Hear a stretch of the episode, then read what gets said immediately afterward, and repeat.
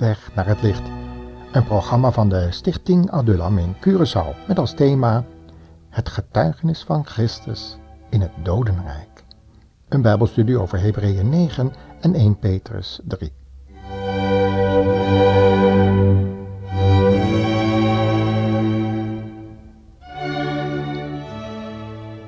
Een jongeman zat met zijn handen onder zijn hoofd na te denken.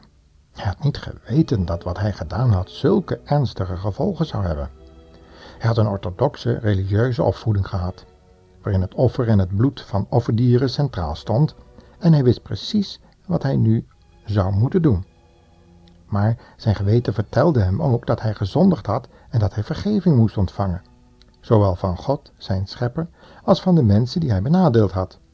Ja, inderdaad, hij was onvoorzichtig geweest en onnadenkend had hij iets gedaan dat nogal wat gevolgen had voor hemzelf, zijn omgeving, het slachtoffer en zijn religieuze gemeenschap waarin hij door geboorte en beleidenis verbonden was. Nu zou hij een offerdier moeten kopen. Dat was een hele rip uit zijn lijf, zo gezegd. En hij zou ermee naar de priester moeten gaan en vertellen wat er gebeurd was. En die priester zou het gebeuren ook niet voor zichzelf houden en het delen met andere priesters. En samen zouden dan ze bepalen wat er met hem moest gebeuren. Was het gebeuren moedwillig gegaan of per ongeluk? Moest allemaal uitgezocht worden. Had hij het kunnen weten dat het verkeerd zou gaan? Of was het hem overkomen, een soort struikelen? Allemaal zaken die aan het licht moesten komen en uitgezocht moesten worden door de priesters en andere religieuze leiders van zijn volk. Hm, hij rilde al bij de gedachte aan al die dingen. Nee, zijn daad had inderdaad hele nare gevolgen gehad en hij had het allemaal niet overzien.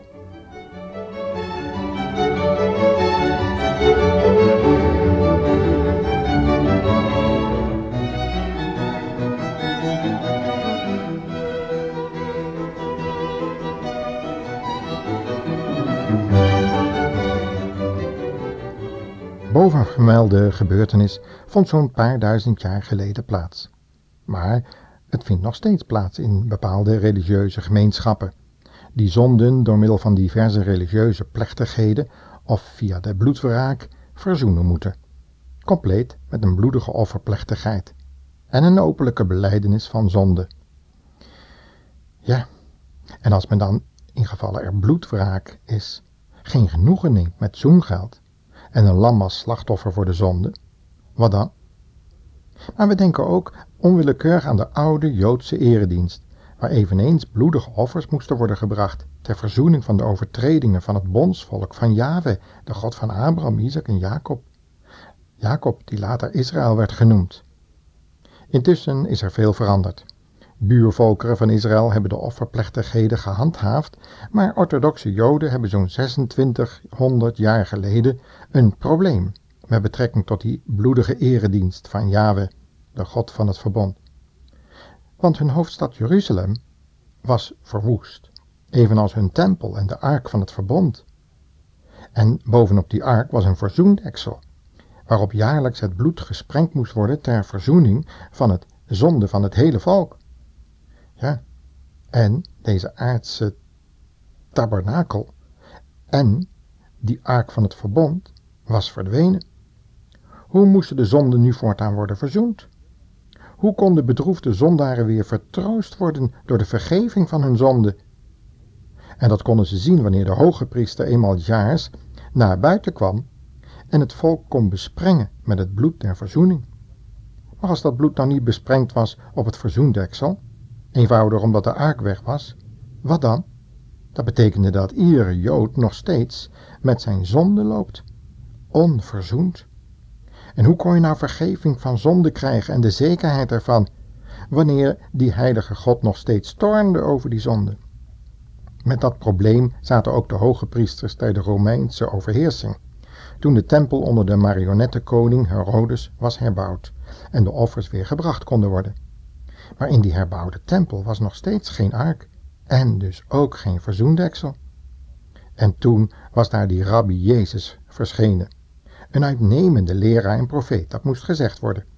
Hij kon grote wonderen doen en zelfs doden uit hun doodslaap opwekken. Hij kon melaatsen aanraken zonder zelf melaats te worden. Hij predikte het beloofde aangename jaar des Heren, waar Jezaja over had gesproken. En hij proclameerde de vrijlating van gevangenen. En dan bedoelde hij ook de, vooral de geestelijk in zonde gevangen mensen. Hij sprak van zijn lichaam als van een tempel. En zijn verschijning werd door een andere profeet van die tijd verbonden met wat de oude en gerespecteerde profeet Jezaja had genoemd een lam, stemmeloos voor het aangezicht van zijn scheerders. En die ook tegelijk de Messias en de Zoon van God werd genoemd. Sterker, de komst van deze Messias werd verbonden met de verschijning van God zelf. Jesaja had dat in hoofdstuk 9, vers 5 en 6 al gezegd.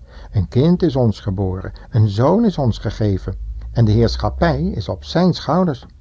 En men noemt zijn naam wonderlijk, raad, sterke God, vader de eeuwigheid, vredevorst. De grootheid van zijn heerschappij en van zijn vrede zal geen einde hebben op de troon van David.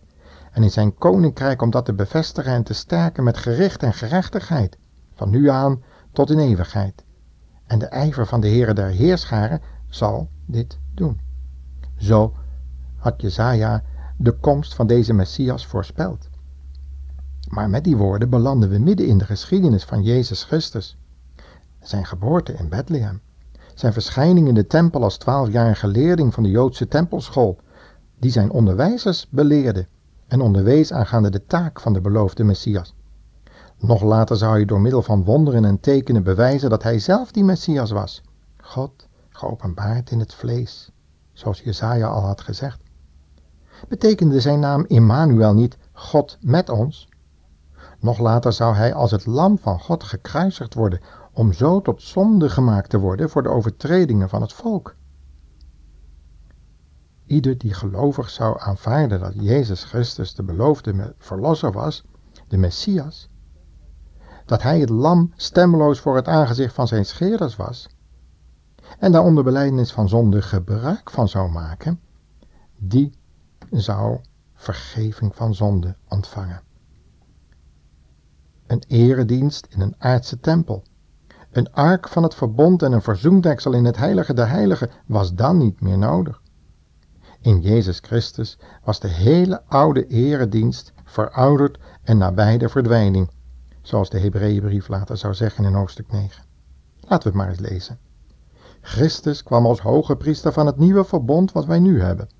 Hij is de grotere en meer vermaaktere tent in de hemel binnengegaan, die niet door mensen is gemaakt en niet tot deze wereld behoort.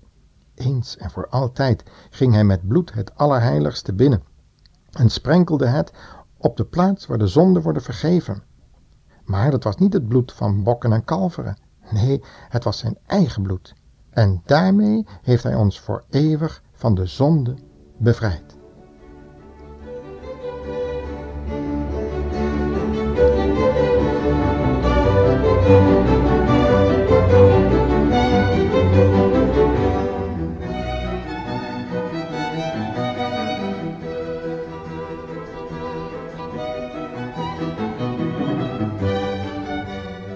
Het een geweldige schok voor elke oprechte Israëliet zijn geweest toen hun dat duidelijk werd dat Jezus van Nazareth de beloofde Christus, de Messias van Israël was. En dat hij in geloof aanvaard moest worden als het lam van God dat de zonde der wereld wegneemt. Ha, nu was het voor zo'n gelovige Israëliet geen probleem meer dat er geen verzoendeksel in de tempel was. En dat de ark van het verbond zoek was geraakt. Want Jezus zelf was toch immers die ark en het verzoendeksel in het heiligdom in de hemel naar welks voorbeeld Mozes het heiligdom op aarde moest maken. Later zou de apostel Johannes op het eiland Patmos de hemel zien opengaan en die hemelse tempel zien, samen met de ark van het verbond. Ark was dus toch niet zoek. Laten we het grote wonder eens lezen. Het staat in Openbaringen 11, vers 19. En Johannes zag het volgende. De tempel Gods in de hemel is geopend geworden en de ark van zijn verbond is gezien in zijn tempel. En er kwamen bliksemen, stemmen, donderslagen en aardbevingen met grote hagel. Welnu, dat moet wel een grote indruk op de apostel gemaakt hebben. Maar ook ons hart wordt er warm van, als we bedenken dat de hemel nu open is en de tempel van God in die hemel, de Zoon des Mensen als hoge priester van onze beleidenis heeft ontvangen. Daar bracht Jezus immers zijn eigen bloed. Het bloed van het kruis voor onze verzoening, voor die van u, van jou van mij. De oude eredienst en het oude Mosaïtische verbond kon nooit zonde geheel wegnemen. En de gelovige Israëliet zag uit naar hem die lam van God werd genoemd en in staat zou zijn voor eeuwig en volkomen verlossing tot stand te brengen. David, die moest nog roepen in Psalm 51, verberg uw aangezicht van mijn zonde. Delg uit al mijn ongerechtigheden. Verlos mij van bloedschulden. Want in brandoffers hebt u geen behagen, anders zou ik ze u geven. Ik ken mijn overtredingen en mijn zonde steeds voor mij. Dus ook David zag uit naar hem die uit zijn lendenen zou voortkomen. En die in staat zou zijn alle zonden definitief weg te nemen. Zodat een andere profeet zou kunnen zeggen met het oog op de verschijning van Jezus Christus. Hij zal zich onze ontfermen. Hij zal onze ongerechtigheden dempen. Ja, gij zult al onze zonden in de diepte ter zee werpen.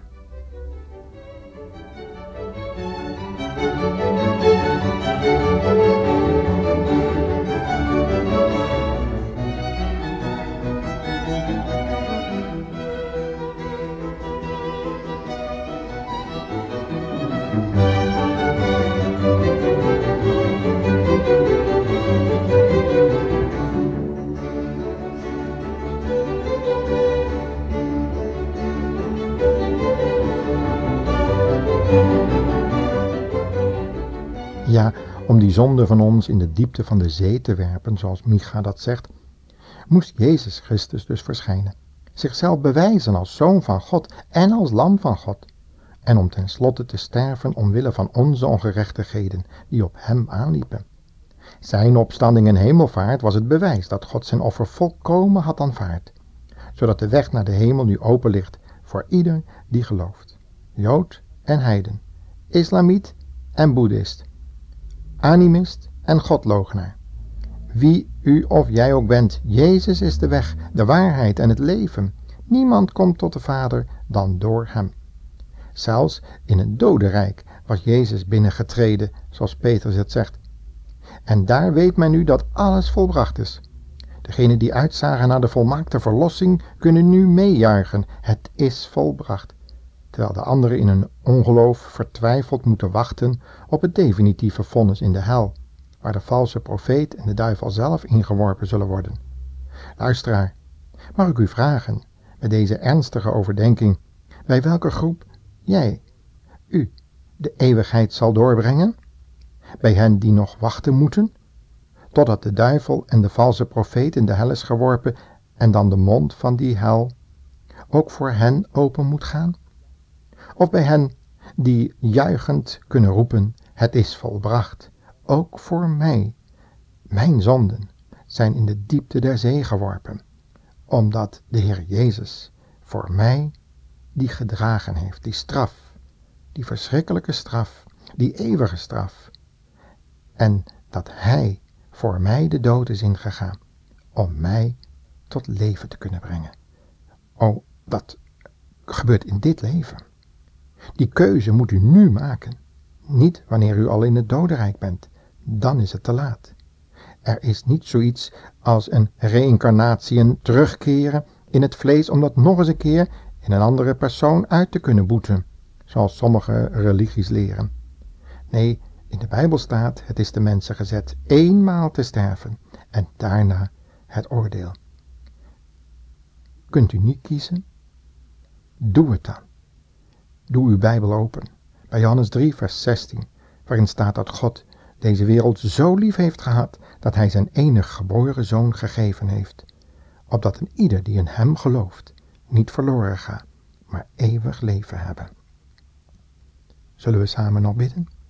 Heer Jezus, ik kom tot u en erken dat ik verloren ben, dat ik mijzelf niet kan redden en dat u mij van mijn zonde zal moeten verlossen.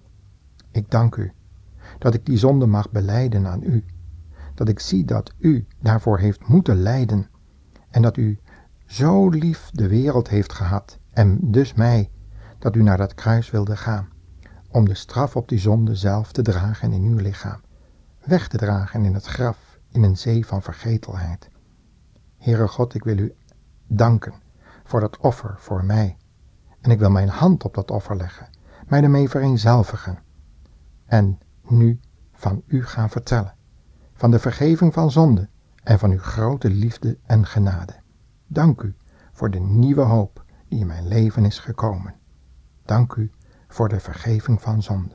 Ik wil u aanbidden, Heer Jezus, omdat u God bent, geopenbaard in het vlees voor mij.